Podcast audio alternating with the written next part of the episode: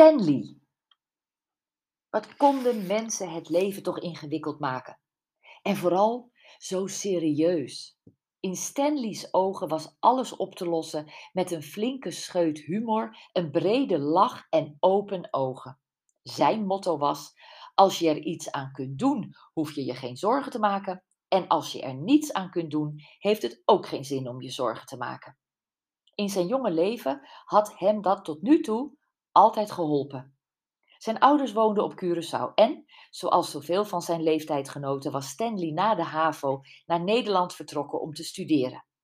Hij was in Leeuwarden terechtgekomen, waar hij op de hotelschool leerde voor hotelmanager. Op zijn douche Curaçao ging hij volgend jaar een luxe camping beginnen, met hutten op palen, gebouwd van houten planken, canvasdoeken en muskietennetten. Kuluku Paradise ging het natuurpark heten en Stanley wist al precies waar zijn droom uit zou komen. Op een stuk land dat zijn oude oom hem na zijn dood had geschonken. Hij zat nu in zijn derde studiejaar. In de zomervakanties werkte hij op Boslust. Hier leerde hij hard werken en met mensen in alle soorten en maten om te gaan. S'avonds was hij one with the boys aan zijn tap Overdag gaf hij in de zwembadbar complimentjes aan de dames en na sluitingstijd van het zwembad speelde hij voor DJ in de kinderdisco. Misschien vond hij dat nog wel het leukste van zijn hele baan. Samen met Betty, zijn collega, zette hij de hele kantine op stelten. Zijn doel was pas bereikt als niet alleen alle kinderen, maar ook de ouders aan het swingen waren. Hey, hey, baby, oeh, Ah, I wanna know, will you be my girl? Gisteravond was er iets raars gebeurd toen hij net dat liedje wilde opzetten. Een van zijn favoriete senora's was ineens helemaal niet goed geworden. Zoals de meeste gasten kwam zij met haar gezin elk jaar voor een lange zomertijd naar Boslust. Het was bijna elke avond vaste prik twee cappuccino's, een beetje dansen en vooral kletsen met de andere moeders. Wat er precies gebeurde had Stanley niet gezien. Er was ineens rumoer bij het toilet en de vrouw werd ondersteund naar een stoel gebracht. Het was Miranda. Betty gebaarde dat de muziek wat harder mocht en de kinderen dansten verder.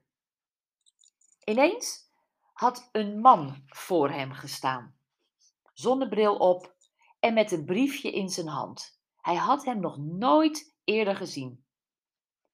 Uh, wil je dit aan de dame geven die zojuist onwel werd? had hij gevraagd. Stanley wilde antwoorden, maar de man had zich al omgedraaid en was weggelopen. Hij had zich niet kunnen inhouden en had het briefje opengevouwen. Een 06 telefoonnummer. Hij had het volgende liedje klaargezet en was onder zijn draaitafel vandaan gekropen. Miranda, gaat het een beetje douche? Miranda had zwakjes geknikt. Ik kreeg dit briefje voor je. Zonder te kijken had Miranda het, in haar achterzak gestoken. Dank je, Stan. Kan ik een cappuccino voor je halen? Nee, ik ga terug naar de caravan.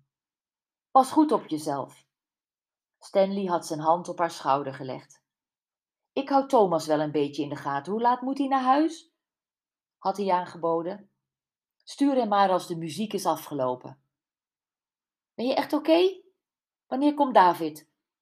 David komt morgen. Ja, ik ben oké.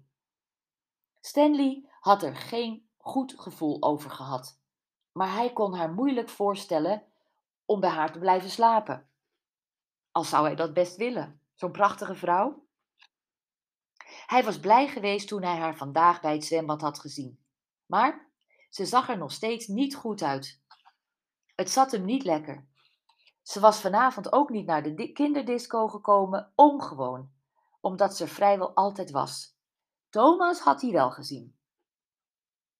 Stanley fluisterde Betty in haar oor dat hij even weg moest en gaf haar de koptelefoon van zijn draaitafel.